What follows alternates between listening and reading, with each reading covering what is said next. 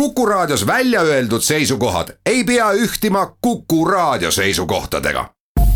Te kuulate Kuku Raadiot.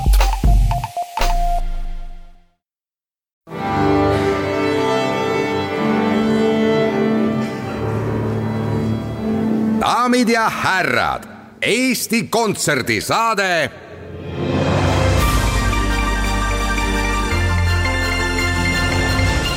aplaus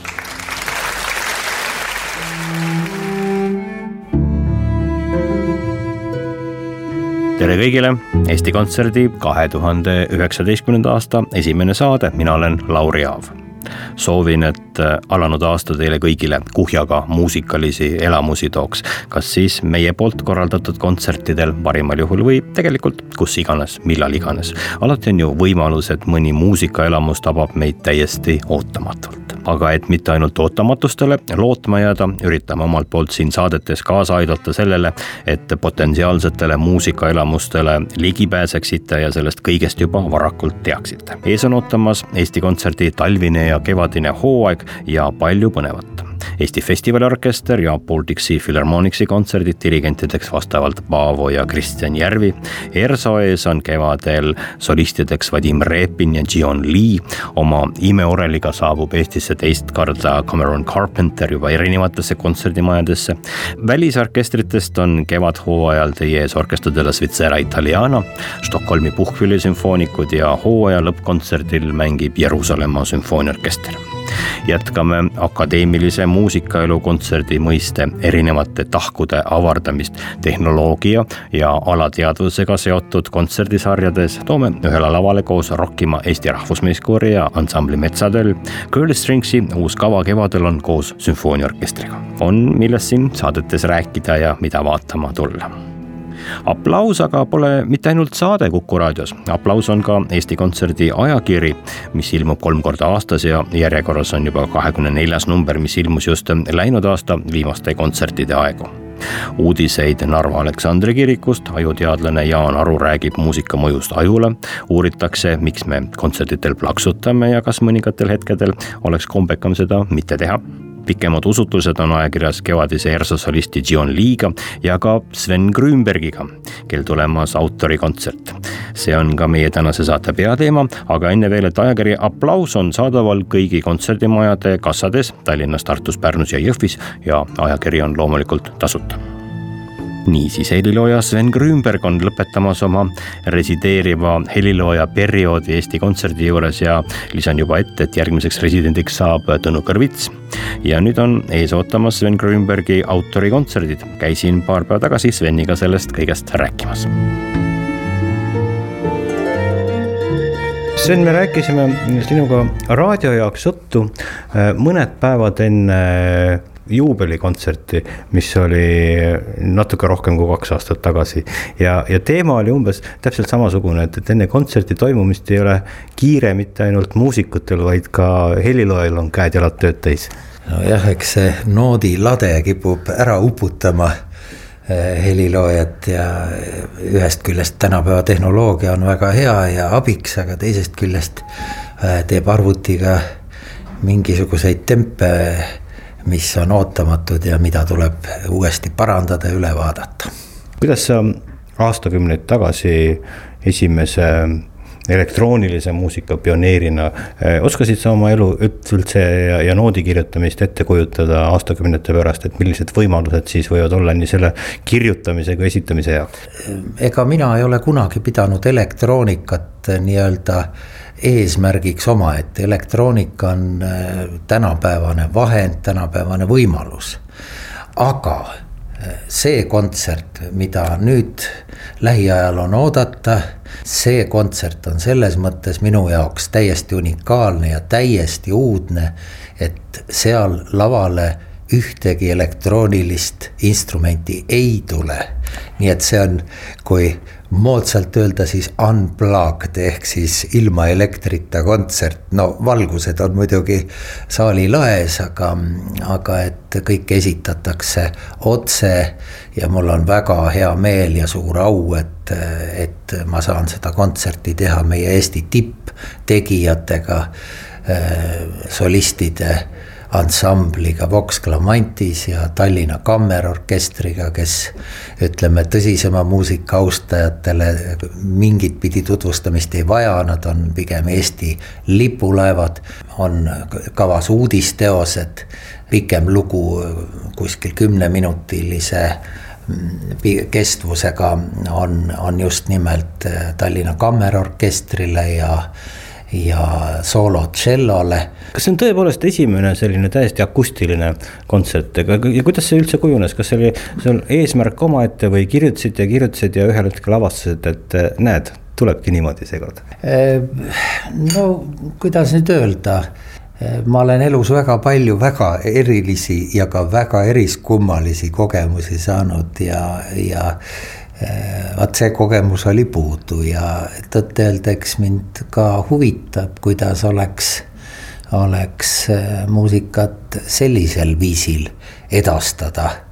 see kontsert on tõepoolest siis äh, sellisena ka läbi mõeldud ja planeeritud, mis ei tähenda muidugi seda, et ma oleksin nüüd kusagile kusagile lõppjaama jõudnud.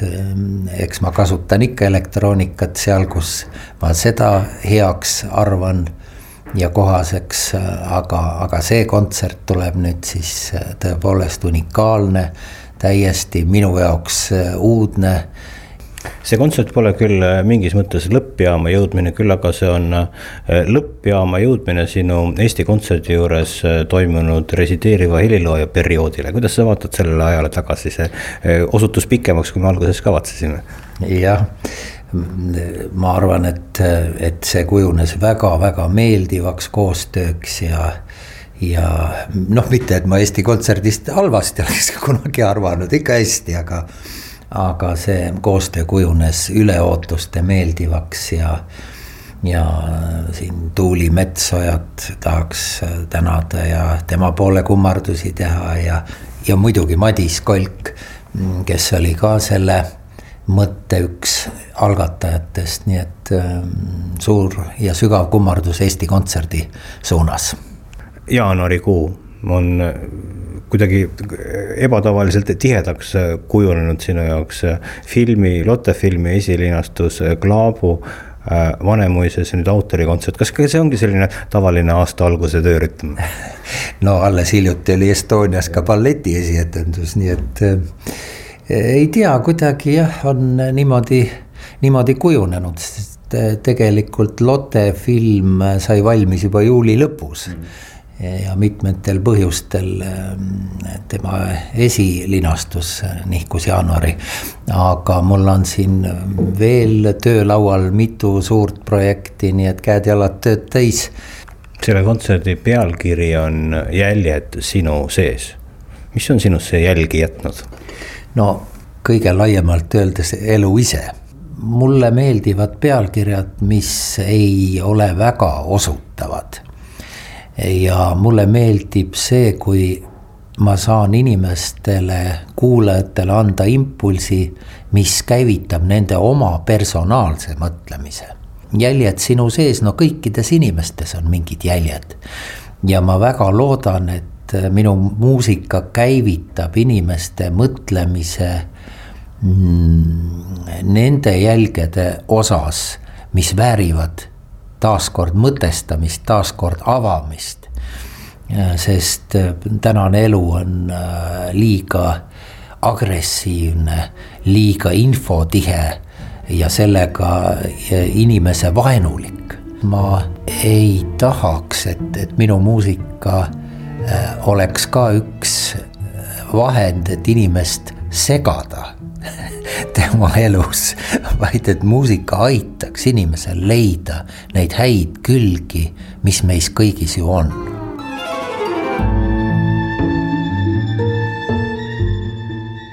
jäljed sinu sees, Sven Grünbergi autoriõhtu.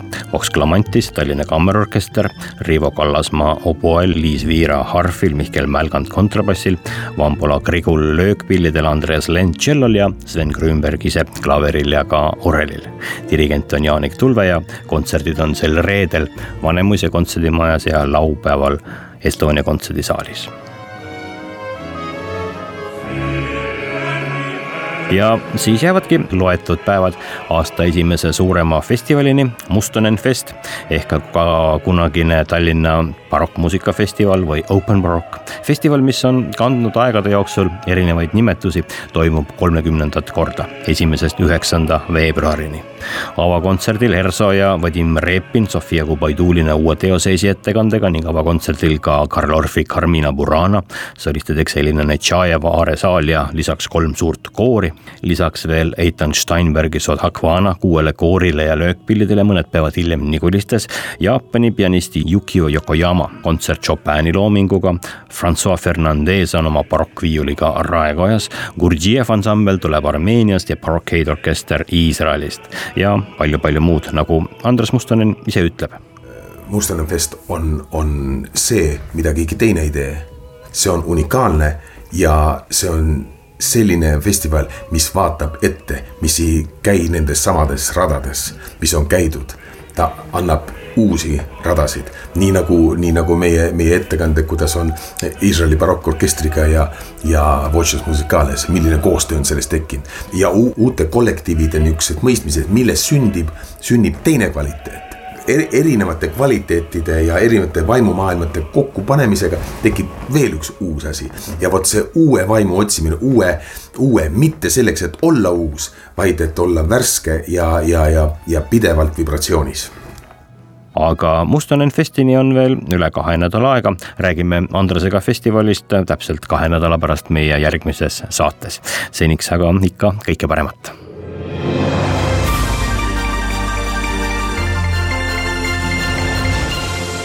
aplaus